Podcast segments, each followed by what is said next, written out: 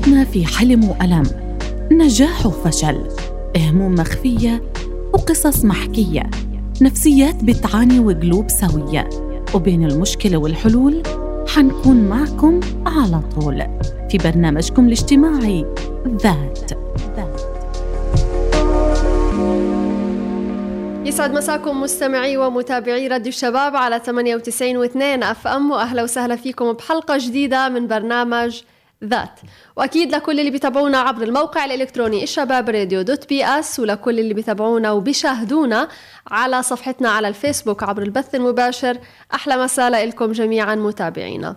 حلقتنا لليوم رح نحكي عن موضوع جديد. هذا الموضوع أكيد كلنا آه يعني شعرنا فيه. مين فينا ما عصب؟ مين فينا ما نرفز؟ مين فينا ما ترجم غضبه بشكل سلبي؟ إما كسر إما شتم إما نهى علاقة بلحظة كانت يعني خارجة عن سيطرته أو آه كسر قلوب, قلوب الناس يلي حواليه. اليوم بحلقتنا من برنامج ذات رح نحكي عن الغضب. أكيد كلياتنا مرينا بهذه اللحظات بس الشطارة بإنه كيف إحنا نترجم غضبنا غضبنا. البعض بفضل إنه يسكت ويروق وياخد على جنب شوية بعدين يفرغ غضبه.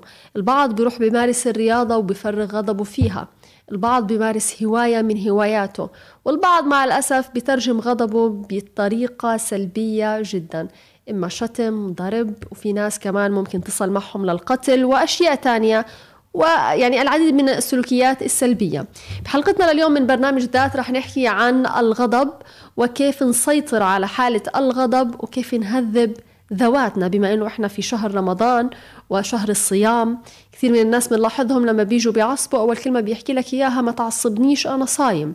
فالصيام مش سبب إلى إنه نيجي نعصب على بعض ونمارس بعض السلوكيات السلبية في هذا الشهر الفضيل. الأساس في الصيام أنه إحنا نهذب أنفسنا. فحنحكي عن هذا الموضوع كمان مع الدكتورة إيمان قوطة أبو قوطة عفوا أخصائية نفسية. يسعد مساكي دكتورة منورانا تسلمي نورك. يسعد مساكي يا رب. طبعا بما أنه أول حلقة من برنامج ذات في شهر رمضان المبارك فكل عام وأنت وأحبابك بألف خير. أنت بخير وصحة وسلامة يا رب. حكينا دكتورة بالبداية كيف شايفة شهر رمضان لهالسنة؟ شهر الرحمة والفضل والغفران وإعادة الحسابات. صحيح شهر صحيح. بيفصل ما بين حقبة وحقبة. هيك أنا وجهة نظري. بالضبط. فالناس يا ريتها تستغل هذا الشهر إنها وقفة مع الذات ومحاسبة الذات لأنه بيلزمنا كل فترة. وسبحان الله أنا أشعر إنه رب العالمين أوجد هذا الشهر إنه من ضمن أهدافه الأساسية هذه الجزئية. بالفعل. فبتمنى من الجميع إنهم يستغلوا هذا الفصل أو هذا الشهر الفضيل في الفصل ما بين أمس وغد ووضع خطة أهداف قادمة جميلة. يعني حلو أنه نحدد الأهداف اللي جاية ما بين رمضان ورمضان. بالفعل. فبيجي بالفعل. رمضان الجاي بنحكي شو حققنا من أهدافنا اللي في رمضان اللي فات. وكل عام والجميع بألف خير. يا رب وانت وأحبابك بألف خير. يعني دكتورة بما أنه إحنا بنحكي اليوم عن الغضب م. كثير من الناس بتشوف أنه الغضب هو نوع واحد. أنه أنا بنرفز من حدث و... ولكن من خلال بحثي اكتشفت أنه الغضب في له أنواع. م. فهنا يمكن وقفت شوية لحظات بين كل نوع ونوع وتأملت شوية. فخلينا بالبداية هيك على سبيل السرعة. ما بدنا نخوض بالتفاصيل كتير. أنواع الغضب. لحتى الناس يكونوا عارفين أنه في أنواع هو مش غضب واحد. تمام. أنا من وجهة نظري أو من, الدر... من بعض الدراسات أوجدوا أنه كيفية الغضب وطبيعة الغضب تعود إلى طبيعة الشخص. بمعنى أنه الحدث اللي بيمر علي أنا نفسه بيمر عليكي انت مزبوط بيزعجني بس ما بيزعجك. حصل ولا ما حصل؟ حصل كتير. هو هيك. فبتتعدد الأنواع. ارتباطها بيكون مع تكوين شخصية الإنسان. الإنسان عند الولادة وعند التربية والتنشئة الاجتماعية بيكتسبوا بعض الأمور وبيكتسبوا أساسيات في التربية والتنشئة. بتكون هي بيسكلي بتحدد له هو مساره لما يكبر كيف بده يكون. وبناء على هذا إنه شو بده يكون لما يكبر بيحدد ردود أفعاله. ومن هون بتتحدد نوعية الغضب. فبالتالي في أحيانا غضب مبرر. إن نروح لأنواعه. بدنا نلاقي إنه غضب مبرر وهذا قد يتفق عليه أو مش قد أو على الأكيد. أي إنسان صاحب صاحب عقيدة وصاحب مبدأ حيثور عليه. أمور بتمس مزبوط. ديننا أمور بتمس وطنيتنا. هذا طبيعي إنه يكون غضب مبرر أوكي؟ صحيح. هذا غير مزعج هذا بالعكس رد فعل إنساني وإنك أنت إنسان مستشعر وبتحس الأمور اللي بتحصل معك. في غضب مزعج هذا الإنسان اللي بده يضله على الراحة زي موضوع إنه رمضان. ما حد يحكي معي. أنا صايم. هذا سبب غير مجدي وما بيوصل لشيء سوى الإزعاج. للشخص وللاخرين صح. ليه انت تربط انه رمضان انه أنا انسان مستفز انه هو ما بياخد السجاير تاعونه انه هو ما بيشرب القهوة تاعته انه هو صايم عن الأكل والشرب فبالتالي هو إنسان نيرفس إنسان مستفز وإنسان لا يحتمل الآخرين. صح. هذا غضب مزعج وغير مبرر.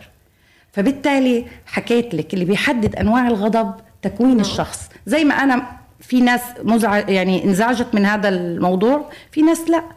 آه، تقبلت رمضان بسماحة وبرضا وبتستناه من السنة للسنة وبالعكس يعني هو أجواء فرح أصلا اقترن رمضان بالفرح. فعلا. ليه إحنا لما نصبح تاني يوم مقبلين على الصيام نربطه بأشياء سلبية وأشياء بتثير آه، انزعاجنا؟ صح. يعني الموضوع مو مستاهل هيك. صدقيني يا أستاذة الموضوع اللي بيحدد نظرتنا للأمور هو اللي بيحددوا أمر في غضب أو أمر في شيء إيجابي. نظرة مزبوط. الشخص للموضوع نظرة الشخص للموقف. هي اللي بتحدد إنه هذا حدث آه، صادم هذا حدث مزعج هذا حدث سعيد. بيرجع للباك جراوند تاعت البني آدم اللي هي الماضي تاعه تكوينه تطوره النمو الاجتماعي تاعه. صح. فبيحدد نظرته لمفهوم الغضب. بالفعل. دكتورة لكن مرات بلاحظ إنه في أطفال يعني في سن مبكر جدا نقدر نحكي سنتين وثلاثة بتلاحظ إنه هم عصبيين بشكل مش طبيعي. أكيد. هذا الإشي لو بدنا نيجي نفسره كطفل وبيعصب بشكل يعني أنا لاحظت حالة صراحة. وهذه الحالة كانت تنرفزني. يعني هي بنت واحدة من صديقاتي كانت يعني بالنسبة لي مستفزة. هل هذا الغضب يعني كيف بدنا نفسره؟ هل هو مرض مزمن ولا لا لا لا أنا حقول لك. كيف؟ عادي جدا. ليه؟ إيه في تكوين الطفل إيه في أمور وراثية كونجينيتال في أمور مكتسبة. تمام؟ حلو. هلأ الطفل هذا اللي حضرتك بتقولي عنه سنتين هو لسه ما خاض تجارب ومحكات تحدد رد فعله اتجاه الأمور. تمام؟ حلو. فشو بدنا نقول؟ إنه الغضب أحيانا وراثي في الجينات متوارث اللي هو الحالة العصبية إنه هذا إنه أبوه عصبي. في كتير بتسمعي أيوة. وانتوا قاعدين مو أبوه عصبي أمه عصبية. ليه؟ هو أخذ شغلتين أخذ الفطري والمكتسب. ليه؟ لأنه الولد بيلاقي قمع بيلاقي تعنيف بيلاقي سلوكيات مزعجة معاه أيوة. فبالتالي هو بيكتسبها وهو طفل مش حيفلتر السلوكيات فيقولوا إنه هذا هو الطبيعي رد الفعل الطبيعي ولما بيكبر بتضلها لما معه؟ بيكبر بتضلها معه إلا إذا. يعني دخلت تدخلات أخرى في طريقة أيوة. التربية إذا اختلفت الأساليب التربوية شوفي لسن 12 أو 13 سنة في سلوكيات الطفل. سهل جدا جدا جدا إنه إحنا نسيطر على تصرفاته أو تعديل سلوكه. حلو كتير. بعد هيك قد يكون الأمر صعب وشاق شوي بس مش مستحيل أكيد. صعب وشاق. لكن ما قبل هذا العام فينا إحنا كتير نعدل من سلوكيات الطفل. بس هي جوابي لك إنه ليه هذا الطفل عصبي؟ قلت أيوه. لك لأنه هو فطري ومكتسب موضوع الحالات الانفعالية بالعموم والغضب بالتحديد. صعبين كثير هدول الأطفال بصراحة. صعبين ومرهقين. يعني بتعرفي دكتورة أنا مش أم لهذه الطفلة ولكن كنت يعني أقعد ساعة حواليها أحس إنه أنا عن جد أعصابي تعبت وأقول الله يعين إمها. فإمها كانت دائما بصراحة تقول معقول حتضلها هيك لما تكبر. فأنا سألت السؤال من باب الفضول لأنه يعني خطرت على بالي هذه الحالة. أه بدي أنصح صديقتك نصيحة ولجميع الأمهات اللي بيتابعونا. أه لا الأطفال مش صعبين أبدا. بالعكس هم انجبلوا على يد يعني يعني من هم هدية من السماء أكيد. هدية من رب العالمين. وهم جايين بالضبط زي القطنة البيضاء اللي بين إيديكي. انت بدك تشكليها وانت بدك آه، تكونيها. اللي صعبين إحنا. الله. يعني أنا بعتقد إنه صديقتك والأخريات بيسقطوا تعبهم ومشق المشقة اللي بيعانوا منها وسهر الليالي والضغوط الاجتماعية والاقتصادية والعلاقات الإج... الأمور هي كلها تسقط للطفل. بالفعل. فبالتالي لو أخ يعني صديقتك نظرت للأمر بمنظور أو زاوية أخرى حتلاقي إنه هو ما له ذنب أساسا. الطفل متلقي. هل تعلمي؟ هو ملوش أي ردود أفعال. أخذ حنان حيدي حنان. أخذ عنف حيعطي عنف. أخذ احترام حيعطي احترام. الطفل فقط في السن هذا متلقي. فبالتالي هي تنظر في أمرها وليس في أمر الطفل. بالفعل هذه رسالة حلوة كثير إن شاء الله يا رب تكون وصلت. دكتورة ننتقل من الأطفال للأشخاص البالغين الكبار. في شخصيات دائما معصبة. هذه الشخصيات بتحسيها وين ما تفوت بتسبب قلق في المكان كله سواء في بيتها في شغلها في الشارع في السيارة في أي مكان. هذه الشخصيات إحنا كأشخاص من يعني بنتلاقى معهم أو بنحتك فيهم. كيف نتعامل معهم؟ تمام. هلا إحنا كأشخاص نصنف سبحان الله لما انت تكوني في في عامة الطريق أو في أي مكان في ناس كاركتر الشخصية سبحان الله يرمز إلى الغضب يرمز إلى الامتعاض حتى على رأي المصريين تقفلي منهم. أيوه. في ناس تكوينها هيك حتى سماتها الشخصية وملامحها ما خدمتها في الموضوع. مزبوط. وفي ناس مغايرة قد تحمل هذه الملامح بس إلها قلب طيب يعني إحنا ما بدنا نعمم. مزبوط بس بنصدر أحكامنا إحنا بناء على الملامح أو على السمات الشخصية. فهدول الناس من هم صغار كبروا على هذه الملامح وعلى هذه السمات و... وتأصلت فيهم واقتنعوا إنه هم هيك فصاروا هم زي اللي قابلين للانفجار. ما هو الملامح هاي أو السمات الفضة اللي هم بيتمتعوا فيها نتجت عن ظروف وتنشئة اجتماعية أكيد فيها بعض المشكلات والاضطرابات. صح. هم مش من الطريق طلعوا هيك. إحنا بالعكس ربنا خلقنا في أحسن تقويم. بالفعل. بس اللي الظروف الدخيلة علينا هي اللي بتشوه أي شيء جميل. أصبتي. أو مش بس الظروف أو سوء ردود أفعالنا للمواقف. هي اللي بتشكل السمة هي عنا فهو سبحان الله سماته وطبعه أو شكله مع سلوكياته انفرض عليه. فسبحان الله بنكون قاعدين في مكان يا لطيف إجا فلان الفلان. إيه خلص خلص غيروا الموضوع إجا فلان الفلان. كلنا بنواجه هذه المواقف. مزبوط إيه كيف بدنا نتعامل؟ شوفي هو وصل إحنا بنحكي على البالغين هو وصل لمرحلة صعب أو إحنا ما إلنا علاقة ان نتدخل في تعديل سلوكه. إلا إذا بطريقة غير مباشرة. بمعنى أنه الدين المعاملة. يعني يمكن هو يكتسب اللي هو العلاج بالأقران أو النمذجة. إنه مثلا حضرتك هادية حضرتك آه، بتتعاملي مع المواقف بأسلوب فيه تأني ورقي وبتقيسي أبعاد الأمور. ممكن من خلال هذه الأمور إلين. يلين أو يعدل سلوكه. لكن كيف بدنا نتعامل معاه؟ هلأ على فرضية إنه هو إنسان خلص كاركتر وطبعه هيك إحنا بدنا نحترم هذه الجزئية فيه بنحاول ما نثير غضبه نحاول نتحاشى التعامل حسب المطلوب وحسب الضرورة مع رسالة أو اثنين بطريقة غير مباشرة بتساعد على تعديل السلوك بالطريقة اللي قلت لك إياها. حلو كتير. يعني إنه إحنا نيجي نواجهه إنه أنت والله منرفز أنت شخصية لا مستفزة لا. أنت هذا لا. لا لا مش ممنوع. مطلوب. اولا مين إحنا عشان نصدر أحكام على الآخرين؟ الله حلو كتير. ما صح. مطلوب منا. هاي مشكلتنا إحنا هون في قطاع غزة. إحنا ليه؟ إحنا مش مطالبين نصدر أحكام. رب العالمين فقط هو اللي له في الموضوع هذا. بالفعل. أنا حكيت لك الأسلوب والطريقة اللي ممكن يتأثر فيه. صدقيني إذا اتبعنا معاه أسلوب إصدار الأحكام حي... حيتعنف بزيادة وحيكره المجتمع أكثر وحيعمل رد فعل معاكس أقوى وأكبر. ينوع في الغضب. بالضبط يعني حيصير إنسان صعب جدا. إحنا مو مضطرين لهذه الأمور. لا قلت لك الطريقة الأسلم واللي فيها رقي أكثر واللي يا ريت معظم الناس يعني فرصة إنه إحنا هاي تكون رسالة مبطنة للجميع إنه إحنا ما تدخلاتنا الكثير في الآخرين ما هذه من ضمن أسباب الغضب عند الآخرين. صح. بتلاقي أنف العالم كلها في تفاصيل بالفعل. تفاصيلك و... وبدهم يعرفوا مين يجيب خبر ومين... لا أما هذه أمور برضه بتخلي الإنسان سبحان الله مستفز أو إنه دائما أنت نائل هم الآخرين شو مفهومهم عنك أو شو صح. بدهم يصدروا حكم عليك. لا أنا هو إنسان هيك ما بنعرف إحنا شو خلفية حياته. ما بنعرف في طفولته شو شاف.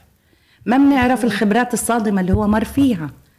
إحنا شفنا بالنهاية شكل بيمشي قدامنا بس أنت ما بتعرفي جوا الصندوق شو بده يكون. صح. فبالتالي لا نحترم إحنا مش في صدد إنه نعدل سلوك قد ما في صدد إنه إحنا نحترم ننجز ننفذ. قلت لك رسالات مبطنة بطريقة غير مباشرة يمكن تعدل سلوكه. مزبوط بالفعل.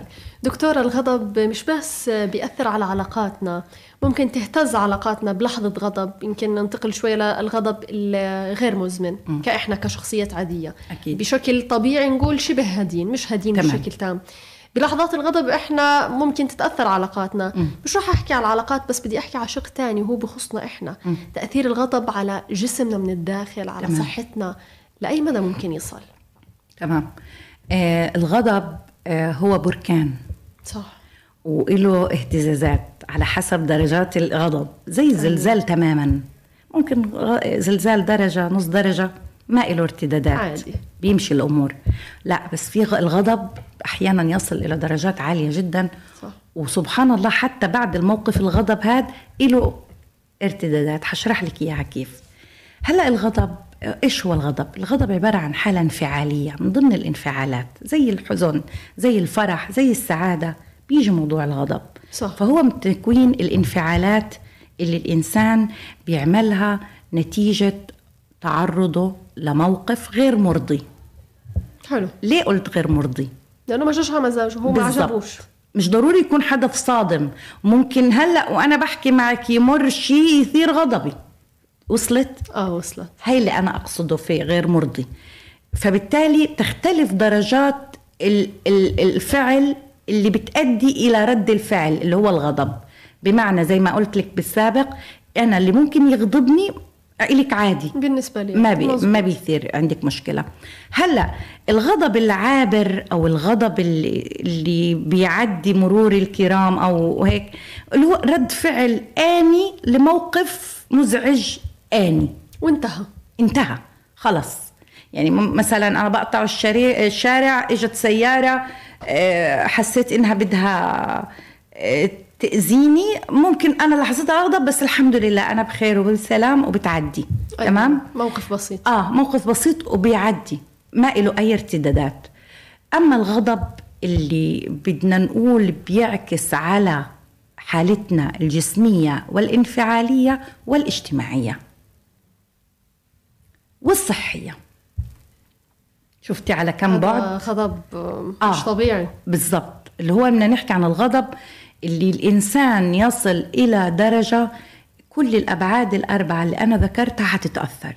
ذروة الغضب هذا. ذروة الغضب. إما فقدان عزيز إما آه، مشكلة مع عائلة مشكلة اقتصادية كبيرة إما الفقر إما حالات الطلاق والمشكلات الأسرية إما الحاجات اللي كبيرة كبيرة. اللي بتعصب الواحد بالضبط. أو عدم تناسق العمل مع إمكانياتك أو أمور كتير كتير. أنت هل تعلم إنه ممكن الإنسان يعيش في حالة غضب متجدد كل يوم؟ لما أنت مثلا تحس حالك إمكانياتك كبيرة وموجود في مكان ما بيناسبك. مش شبهك. مش شبهك. أو تعيش واقع كمان مش شبهك. هل تعلمي إنه هذا غضب بضل في داخلك يمكن هذا اللي بنلاحظه. معظم سكان غزة. بالضبط. برافو عليك. عشان هيك إحنا معظمنا. بنعاني منه. يس لأنك أنت حاسس إنه أنت عندك طاقات وإمكانيات بس موجود في سور بسيط مقيد. مش متوفر فيه لك كل شيء. تمام؟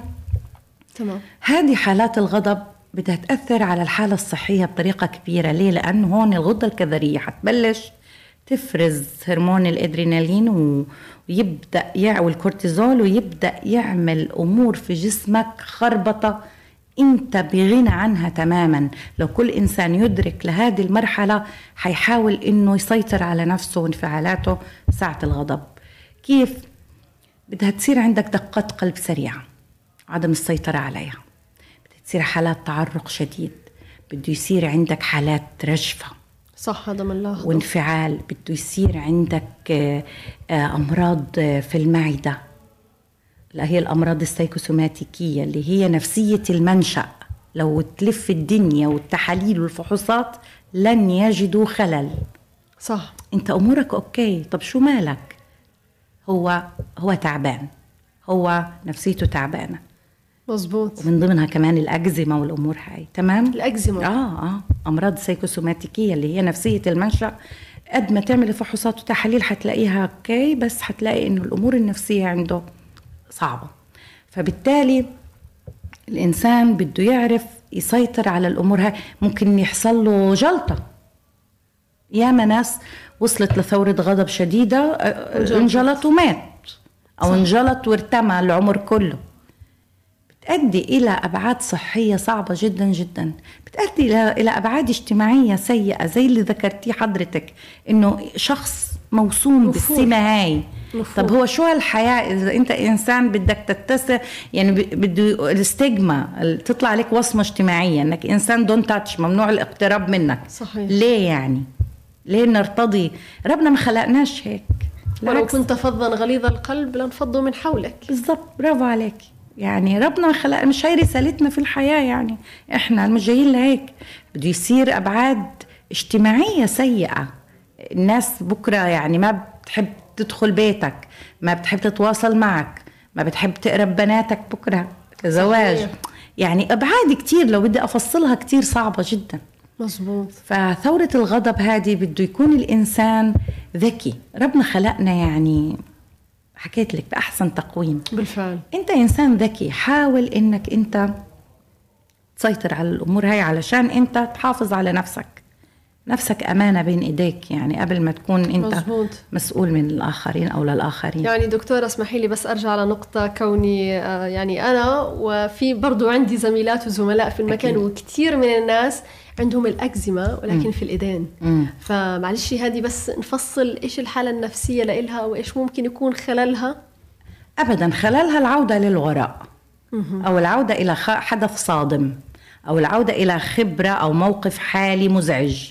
بتكون ردود الأفعال الإنسان بطبيعته تكوينه أو التكوين اللي هو نشأ عليه في بعض الأشخاص بيتكون تكوين هش. زي أيوة. البسكوتة سهل الكسر سهل التصدع.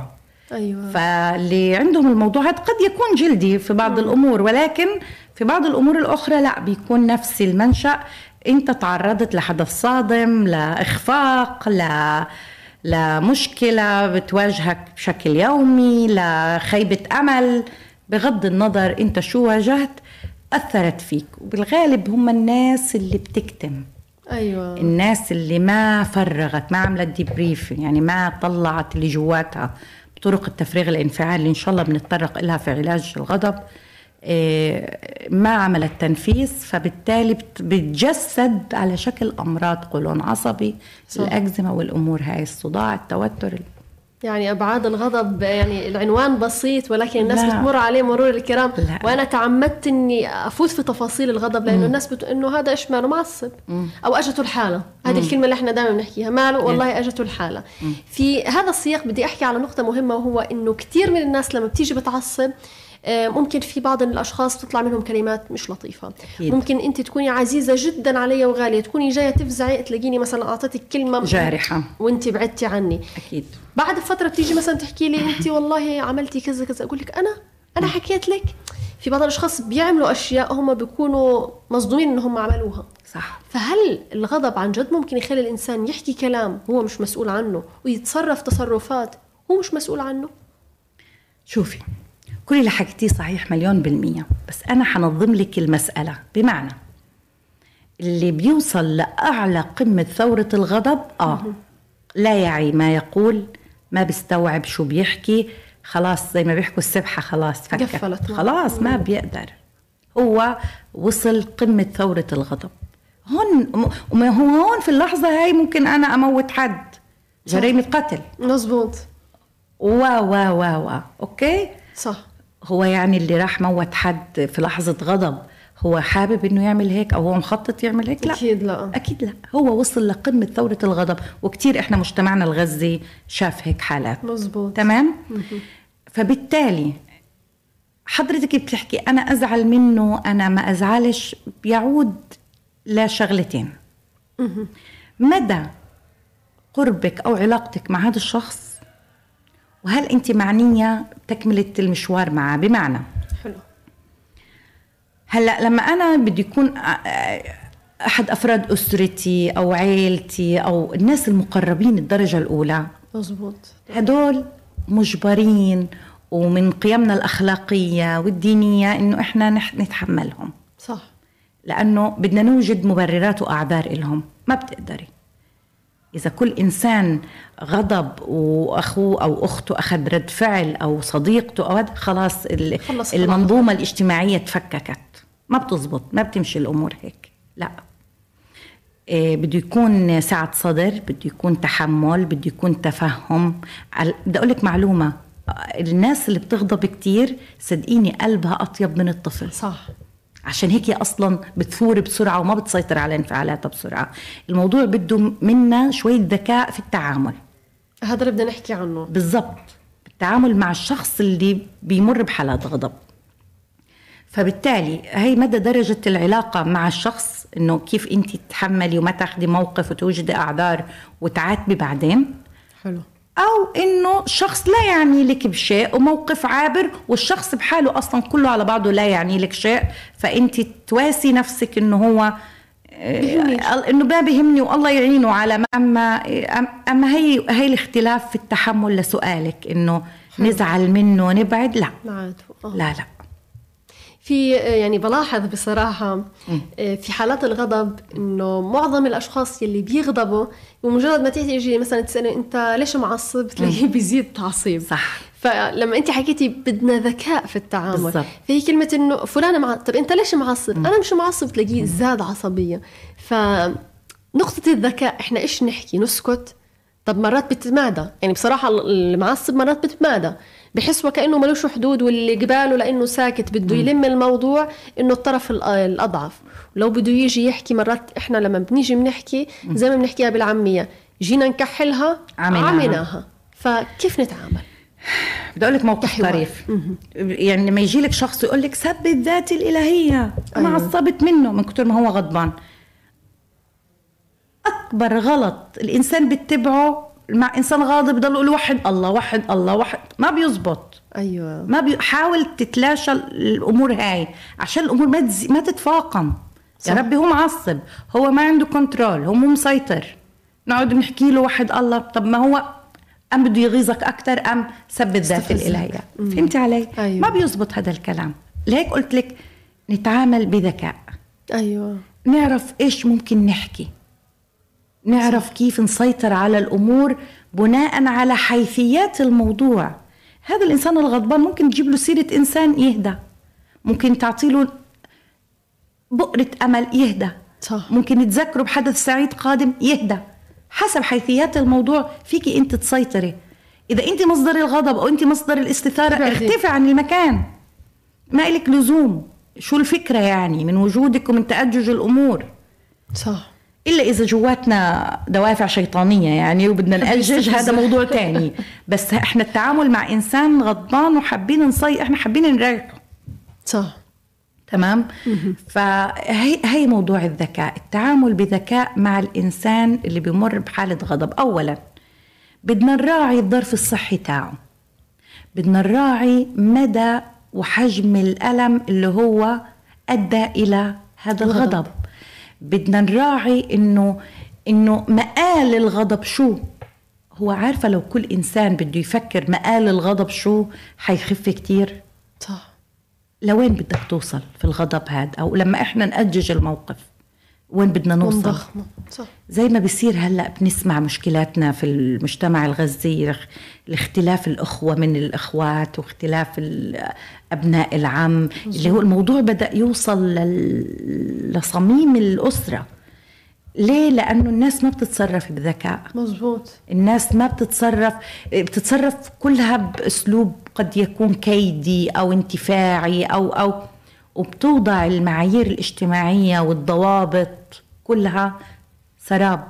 مزبوط. ما بتصبح مش موجودة قدامنا. هون هون اللي بيولد غضب بيفوقوا غضب بيجي يعني الغضب لا يولد إلا الغضب. صح. إذا ما لقينا شخص عاقل رزين راقي يمتص الحالة ويعرف كيف يتعامل مع هذه المشكلة حتتفاقم أكيد. والمشكلات حتتفاقم أكثر مزبوط دكتورة رح ننتقل من هذا الموضوع لموضوع الغضب المزمن وعلاجه.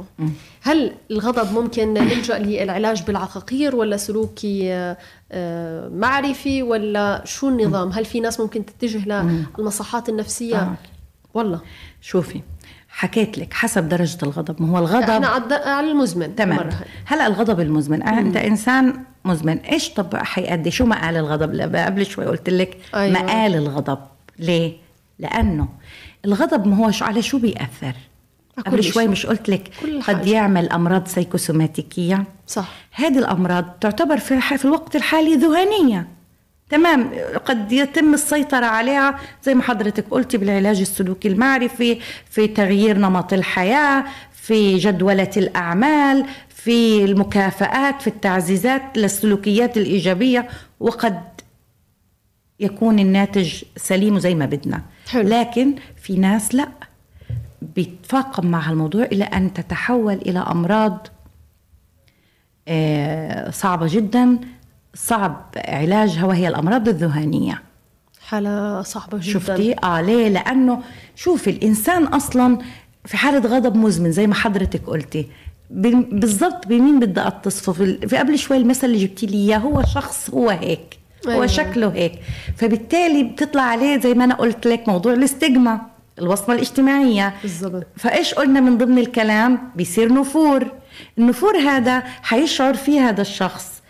ممكن إيش يؤدي؟ إلى اكتئاب أيوة. تجنب المجتمع رهاب اجتماعي. فبالتالي حندخله في موضوع الأمراض. النفسية والأمور دوامة. تتفاقم معاه وحيدخل دوامة مش حيطلع منها خالص خالص. بالذات إذا تحولت إلى أمراض ذهانيه ليه؟ لأنه كل هذه الأمور حتشكل له ضغوطات حياة صح ولا لا؟ مزبوط. وما هي الأمراض النفسية غير إنها ضغوطات حياة؟ بالفعل. فبالتالي الوضع اللي هو فيه بما انه حضرتك قلتي مزمن حيؤدي إلى تفاقم الأمور والضغوطات هذه حيصير هو ضغوط اقتصادية ضغوطات سياسية ضغوطات اجتماعية ضغوطات اقتصادية في العلاقات في نفور فبالتالي. حيتحول إلى مشروع مرض ذهاني 100% شو أبرز الأمراض الذهانيه اللي ممكن تصيب هذا الإنسان؟ أنا قلت لك حيصير عنده اكتئاب حاد حيصير عنده سكيزوفرينيا إنسان. قد يتعرض إلى أي مرض من أمراض النفسية الذهانيه ليه؟ لأنه عنده هشاشة. نفسية هش عنده هشاشة. ممكن والأرضية خصبة لأي مرض نفسي. عنده هوس. بما إنه حالة غضب وانفعال دائما داء البر... يصير عنده زي البارانويا داء العظمة. أيوة. ومرات داء ال- ال- الاضطهاد بحس حاله إنه أقل من الناس. ليه؟ لأنه عنده نفور من الآخرين. بالفعل. يعني دكتورة بنلاحظ مرات شخصيات يعني خلينا نقول في الحياة العادية مثلا سائقين. مم. كثير ركبت مع سائقين بتلاقيه وهو بيسوق. عنده مشكلة مع هذا السواق ومع هذا ومع هذا وحتى مع الراكبين نفسهم.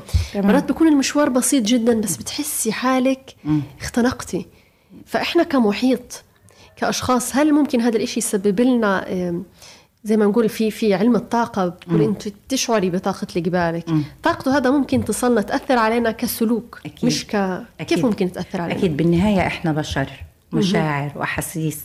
وقبل شوي زي ما قلت لك الطفل متلقي. مظبوط. إحنا كمان متلقيين طالما طلعتي من بيتك وبلشتي يومك العملي أو يومك بشكل عام انت متلقية من الآخرين. تتأثري بالكل. تتأثري. إنه إحنا بالضبط عارفة زي مين؟ زي الإسفنجة.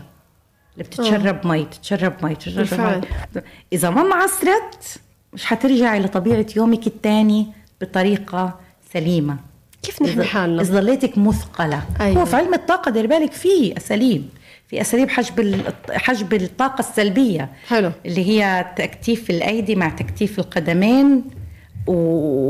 وعدم تركيز العينين مع الشخص اللي بيلق... اللي بيعطي آه، مسجات غير آه، إيجابية حلو. هذا هذا علم واسع يعني أنا جبت لك شيء على الماشي مزبوط. هذه ممكن تساعد بس ما بتحل أكيد, بس أكيد. بتساعد أو بتخفف من وطأة هذا الموضوع آه، نصيحتي أها. إلك لا أو لجميع المشاهدين والمستمعين إنه آه، للأسف إحنا وجدنا في بيئة آه،. للأسف آه، غير سوية بسبب اللي إحنا بنواجهه تمام؟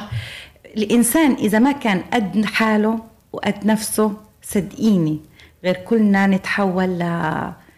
ل... لناس مش سويين. صح. فإيش نصيحتي أنا؟ إنه إحنا نكون مقتنعين تماما إنه هذا واقع عام على الجميع. حلو. ودائما الشيء لما يكون على الجميع بيكون وطئته أخف. إيه هذه نقطة. النقطة الثانية إني أنا بدي أحاول زي ما قلت لك أحجب نفسي ولا أعزل نفسي. فرق. حلو. ليه؟ لأنه في ناس تفرض عليكي. في الشغل في العائلة في الصداقات. أحجب نفسي عن الأخبار السلبية. بمعنى أسمع من هون وأطنش من هون. حلو. ما أركز على الأمور كلها. ما أتعاطى وأتفاعل وأنفعل مع الحدث اللي بيحصل قدامي. أحاول أفصل. إني أنا وأهم نقطة هاي اللي أنا بدي أقولها أعمل موضوع الديبريفنج اللي هو التفريغ الانفعالي. موضوع بسيط جدا جدا جدا. جلسة مع الذات لمدة عشر دقائق. هيك تسترخي وتفصلي عن العالم بتساعد. الغذاء بشكل مناسب أو أكلة بتحبيها. إيه تقعدي مع حد بتحبيه أو تسمعيه. إيه تعملي التأمل المديتيشن تعملي الاسترخاء. تغمضي عيونك وتاخدي تنفس بشكل عميق بطريقته المضبوطة تفصلك عن الدنيا هاي كلها. حلو. هذه أمور يومية اللي أنا جبت لك إياها سريعة ممكن هي تساعدك وتفصلك. مو غلط تسيب العالم كله وتقعدي مع نفسك بس لمدة خمس دقائق. هي كافية جدا إنها تعمل لك بالانس تاني وتساعدك على مواجهة الأمور بشكل أقوى وأفضل. وأفضل طبعا. هذه الأمور اليومية السريعة. ولكن إذا بتحبي نحكي عن الموضوع بشكل أعمق في شغلة اسمها الدراسة أجنبية رائعة مثلت الغضب بجزئيتين. سجل الوعي بالغضب حلو. وتكلفة الغضب. هل تعلم أن كل إنسان لو عمل سجل الوعي بالغضب وتكلفة الغضب نسبة الغضب حتقل بنسبة كبيرة جدا جدا جدا. شو سجل الوعي بالغضب؟ إنه الإنسان يقعد مع نفسه أو يدون في ورقة. أنا من أنصار تدوين الورق ليه عشان أنت تكون مستبصر للحالة اللي صح. أنت فيها. الحدث اللي سبب لي الغضب شو هو؟ هذا سجل الوعي بالغضب. نسبة غضبي مقابل هذا الغضب. أنا شو كان مقياس الغضب عندي؟ رد فعلي هل كان مناسب؟ هل تعلم إنه إحنا معظم مشكلاتنا إنه إحنا ردود الأفعال لا تتناسب مع الأفعال؟ مزبوط. وه- وهو تعريف الاضطراب النفسي هل. تعلمي؟ بالفعل. شو رأيك؟ لو حد يقول لك تعرفي لي شو الاضطراب النفسي؟ إنه إحنا بنعمل ردود أفعال لا تتناسب مع الفعل. وهذا طبعا له أسباب كثيرة. أكيد طبعا. من ضمنها الوعي. أكيد. الكونشنس بدك تكوني انت عندك وعي بدك يكون عندك إدراك. مقياس. هل رد فعلي يناسب هذا الفعل؟ حلو. طب شو حصل؟ الناتج شو حصل؟ هتسجل الوعي بالغضب. تمام؟ بناء على هذه المنظومة اللي انت شكلتيها وانت سيدة نفسك وانت طبيبة نفسك وانت آه، الواعي بنفسك صدقيني ما حدا بحس في داخلك شو. حتى لو انت ظهرت كيان رائع ما حد حاسس فيك إلا نفسك. صح. انت عارف شو حيثيات نفسك أصلا؟ اللي غ... قد يكون غيري ما بيعرف حيثيات نفسي شو؟ حتى أقرب الناس لك ما بيفهموك. ابدا غير رب العالمين أحيانا. بالفعل. تمام؟ فبالتالي هذه المنظومة لو إحنا شكلناها بالطريقة هاي حيصير عندي إدراك اللي حضرتك قلتي عجبتني منك. برافو عليكي. حيحصل عندي الإدراك. مجرد حيحدث الإدراك يحدث التغيير. الله. هل تعلمي؟ بالفعل. معظم أخطائنا خلل واضطراب وتشويه في الإدراك. بس بالفعل. المنظومة اللي أنا قلت لك إياها هاي هي اللي حتوجد معنى الإدراك وبالتالي حيصير ال reaction بالفعل. والاستجابة للأمور بطريقة أفضل. هذا بالنسبة لسجل الوعي بالغضب. حلو. هلأ النقطة الثانية تكلفة الغضب. تكلفة الغضب. شو كان؟ لما أنا الأكشن هذا اللي كله مريت فيه شو كان تكلفته؟ والله ضغط ارتفع. آه، أغمى علي تعبت رحت المستشفى. خسرت أعز الناس إلي. هاي تكلفة الغضب. بدك تفهم أنت شو كانت تكلفة الغضب؟ جسمي نفسي صحي اجتماعي اقتصادي. ناس كتير تعمل مشكلات وبتتفنش و- وبتخسر وظيفتها وبتخسر العائد المادي إلها. تمام؟ صح.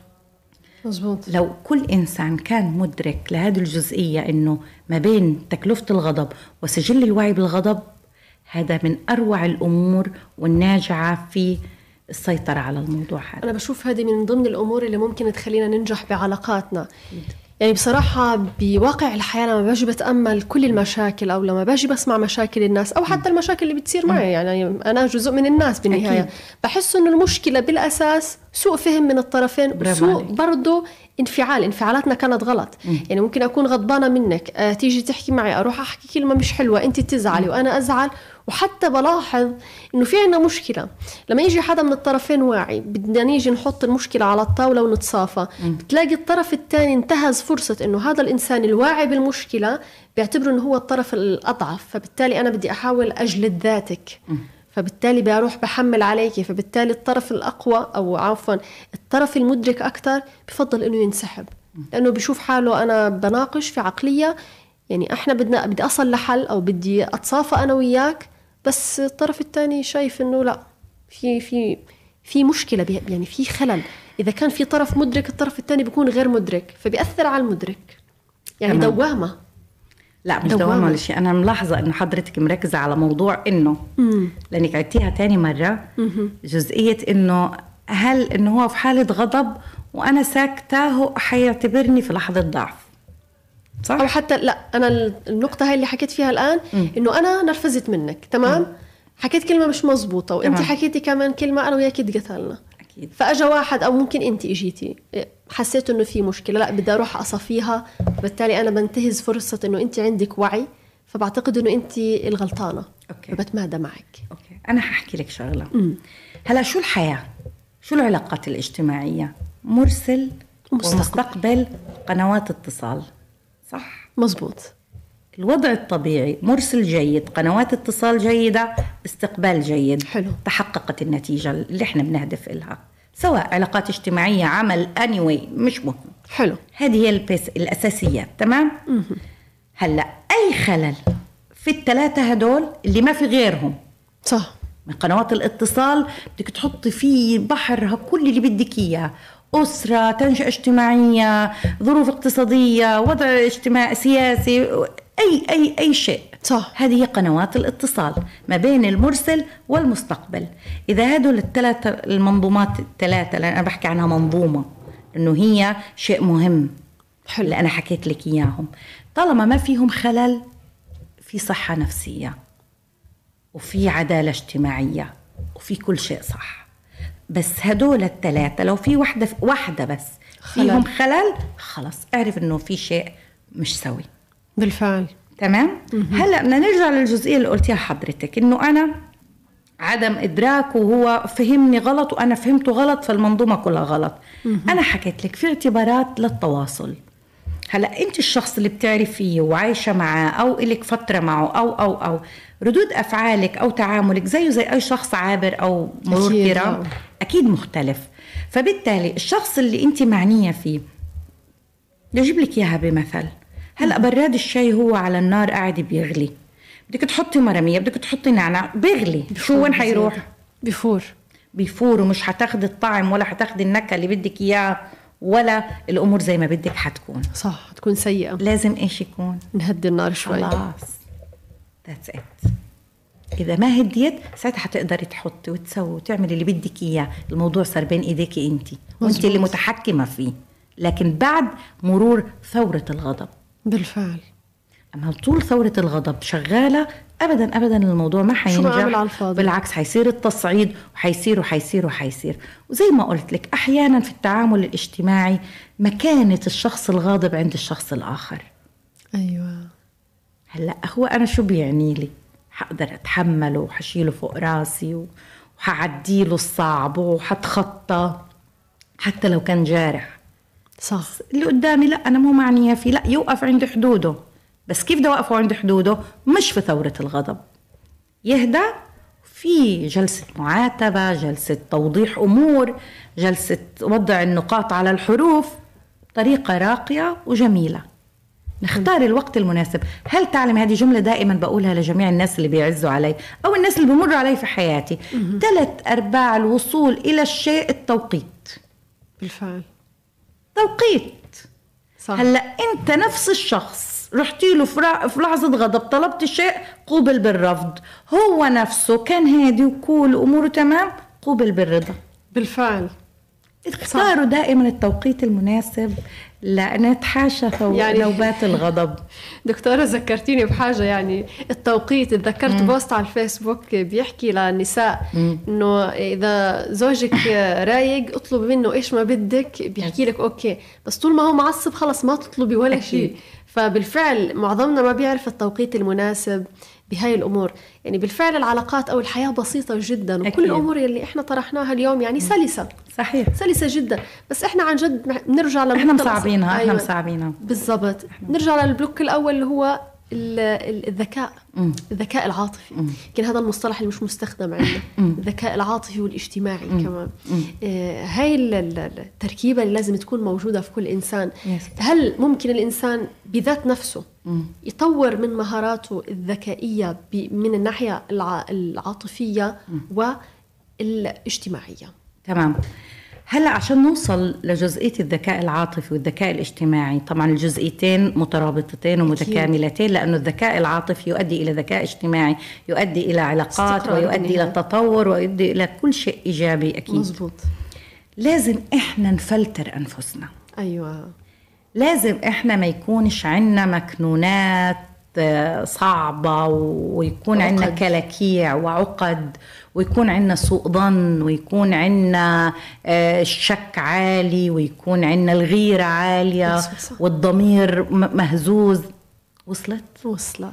لازم تكون إنسان صالح.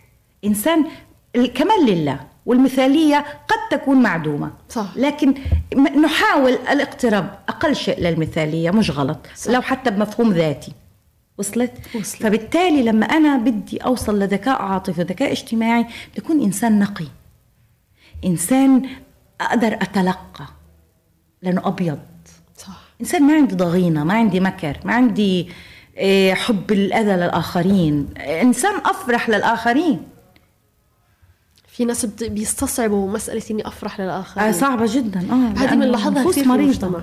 نفوس مريضة. يعني فلانة نجحت فلانة حققت هدف بتلاقي لسه اليوم كنت يعني بسمع في هذا الموضوع. إنه ليش؟ يعني هذا الموضوع جدا لفتني. إنه ليش لما أنت تعملي إنجاز في حياتك بتلاقي أقرب الناس لإلك ما بيهنوكي أو ما بيفرحوا لك. فكانت بتحكي الأخصائية إنه هدول في دائرة المقارنة. أها. فبالتالي بيزعجهم. يعني أنا وانت في نفس السن. انت حققتي نجاح أنا ما حققته فأنا ما ببارك لك ما بفرح لك لأنه إحنا في دائرة المقارنة. مش بقول لك أها. مش بقول لك إحنا مشروع مرضى نفسيين. أيوة. أنا حكيت لك. ليه؟ لأن هي هذه البنت قتلنا بعض. البنت هذه انصقلت وتربت على هيك. أيوه. للأسف البيئة الاجتماعية اللي هي عايشة فيها بتكون شايفة أمها و... وزوجة العم وال... والصداقات وبتسمع وبت... وبتكتسب قاعدة السلوكيات ال- الغير مرغوبة اللي إحنا ما بنحث إلها. أيوه. من هون أصلا بتوجد المشاكل في المجتمع من النفسيات هاي وما شابهها. لا و- وإحنا نحاول انه إحنا نحجب حالنا عنهم هدول الأشخاص وما نشوفهم إنه هم نموذج جيد. بالعكس إحنا نحاول نحاربه بكرم أخلاقنا باستيعابنا إلهم. أحيانا أنا بحزن عليهم الناس هاي. بالعكس تشعري بالشفقة. ليه؟ لأنهم هم نار بتاكل حالها. وبضلهم مكان. هدول ما بيناموا بالليل منيح. هدول بيعانوا من كوابيس بيعانوا من أمراض نفسية بيعانوا من احتراق ذاتي داخلي. بالعكس. احزني عليهم صدقيني. لا أنا بتعاطف أحيانا معاهم من كتر ما أنا مقيمة حجم الألم اللي هم بيعيشوه. بناء على المثل اللي حضرتك قلتيه يعني إنه أنا ما أفرح لك لأنك ربنا كرمك وأنا لا. طب ما هي أرزاق. ما ممكن هي صح. ربنا معطيها شيء آخر انت بتتمنيه صح هاي المعضلة اللي موجودة في مجتمعنا للأسف وهزت ال- واللي. أوجدتها طبعا الحروب والفقدان والأمور الاقتصادية اللي إحنا بنمر فيها أكيد كانت سبب في صقل بعض وقت الشخصيات الفراغ. اللي زي هيك أكيد وقت الفراغ وقلة الشواغر أيوة. والوظيفة والأمور هاي قلة التطوير الذاتي يعني okay إحنا بنقول وقت فراغ. ليه؟ طب وقت فراغ. ليه بنقول ما في وظائف؟ طب ما أنت مستعد أنت تشتغل مع نفسك تطور من ذاتك. صح. معانا في ال social media معانا الإنترنت معانا برامج التطوير برنامج برامج الوعي عن بعد التعلم عن بعد. بالعكس لو كل آه، شبابنا وفتياتنا فكروا بالطريقة اللي إحنا بنحكيها هاي إحنا حنجيب جيل صاعد ورائع بالفعل. ونتباهى فيه. أنا أنا كثير ما بحب كلمة ما إحنا فاضيين ما إحنا ما. عندناش آه، وظيفة إحنا ما عندناش آه، عندنا وقت فراغ كثير لا صح. الفراغ في مخك عندك وليس. في وقتك. بالفعل. هذا الإشي لاحظته دكتورة في آه، فترة كورونا. عشنا وقت فراغ كبير. صحيح. كثير من الناس كنت أسألهم قالوا كيف الدنيا؟ والله الدنيا صعبة كثير آه، مشاكل كذا. فكنت أنصدم من كثير من الأشخاص إنه لا. ف بصراحة أنا فترة كورونا استغلتها استغل يعني استغلتها بشكل مش طبيعي. طورت مهاراتي أو مواهبي. كنت أحضر دورات أونلاين كتير. تمام. فبصراحة أنا فترة الحجر ما شاء الله آه، منعكس على شخصيتك آه، واضح. حسيت بجد. كل حدا يسألني أقول لهم أحلى فترة في حياتي. يطلع فيك أنت شكلك فيك إشي مش طبيعي. أقول لهم عن جد أحلى فترة. عملت علاقات برا البلد وعملت علاقات جوا البلد وأحضر هذا الكورس وهذا الكورس. حسيت إنه هذه كانت فترة جدا ذهبية. آه أقعد مع أهلي أشبع منهم. هذه فرصة حلوة إن أنت تتعرفي على أبوك أكيد. وأمك وأخواتك في ظل ال- الانشغال اللي إحنا عايشينه. كانت فرصة حلوة كانت روابط ل يعني لمؤسسات دولية. ليه ما نستغلها؟ أكيد. فالفراغ عن جد قتل مجتمعنا. صح. نصيحتك لمجتمعنا في ختام حلقتنا اللي والله العظيم مرت بلمح البصر. حبيبتي تسلمي وانت ما شاء الله عليك. اياك يا رب. آه نصيحتي إنه الرضا ثم الرضا ثم الرضا. أكيد.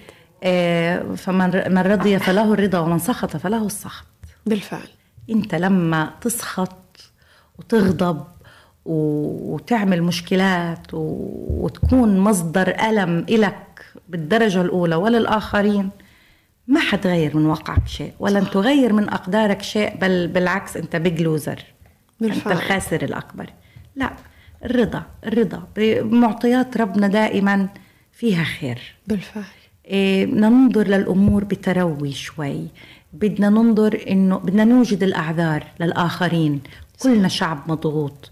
كلنا شعب بنعاني كلنا أفراد شعب بتواجهنا أمور آه، بإرادتنا وغير إرادتنا صعبة وتفرض علينا وبنتعايش مع صح. ليك- بالتالي بدنا زي ما أنا قلت لك نوجد الأعذار وحسن الظن بالآخرين بالفعل. كل هذه أمور بتساعد على إنه إحنا نتحمل الظروف الضاغطة اللي إحنا بتواجهنا وزي ما قلت نركز على مهارات العقل والجسم وعلى التأمل وعلى الاسترخاء على الخلوة مع النفس صح. آه على إعادة ترتيب الأمور وهينا في شهر رمضان المبارك فرصة نستغل هذه الأمور وكل عام وأنتم بخير. وانت واحبابك بألف خير دكتورة يعني من أجمل الحلقات اللي قدمتها في برنامج ذات بدي أشكرك كثير وتعقيبا على مسألة الرضا تذكرت مقولة للإمام الشافعي إذا ما كنت ذا قلب قنوع فأنت ومالك الدنيا سواء يعني كأنك مالك الدنيا كلها. بالضبط. فإن شاء الله يا ربي الله يرضينا ويرضى عنا يا رب, يا رب، أنا دائما بد... يعني. بدعي في هذا الدعاء. وإن شاء الله يا ربي تكون في عنا لقاءات جاية لأني. استمتعت جدا بصراحة حبيبتي، يعني دكتورة عن جد أشكرك في ختام الحلقة. الدكتورة تسلمي. إيمان أبو قوطة أخصائية نفسية. بتمنى الرسالة تكون وصلت لكل المستمعين والمتابعين. يا جماعة صدقوني بلحظة ممكن تدمر أشياء أنت كنت إلك سنين بتبنيها. ودائما بنحكي في آه، عبارة إحنا دائما بنحكيها انكسر قلبي. وفي دراسات علمية أثبتت أنه عن جد القلب ممكن يتعرض للكسول للكسور. يعني في صورة مرة نشروها على الإنترنت لقلب إنسان آه، مات وهو مقهور. مرات بنقول انفجر قلبي. وعن جد القلب ممكن ينفجر من الزعل. الزعل ممكن يكون بكلمة بنظرة بسلوك. فخلينا يا جماعة شوية يعني ننتبه لسلوكياتنا والحياة يعني لمح البصر. كتير يعني كل واحد فينا بيسمعنا الآن. بالله عليكم تذكروا بس تذكروا من عشر سنين. أنتوا شو كنتوا تعملوا؟ هتقولوا يا الله من عشر سنين إحنا كيف كنا وكيف صرنا. حسينا السنين بسرعة مرت اللي بيسمعني أو اللي بتسمعني كانت في المدرسة. يعني من فترة كنت مارقة من أمام مدرسة بتطلع فيها وبسمع رنة الجرس. بقول يا الله لسه امبارح كنا في في في زوايا المدرسة بنجري. اليوم إحنا صرنا بنمشي بطرقات تانية.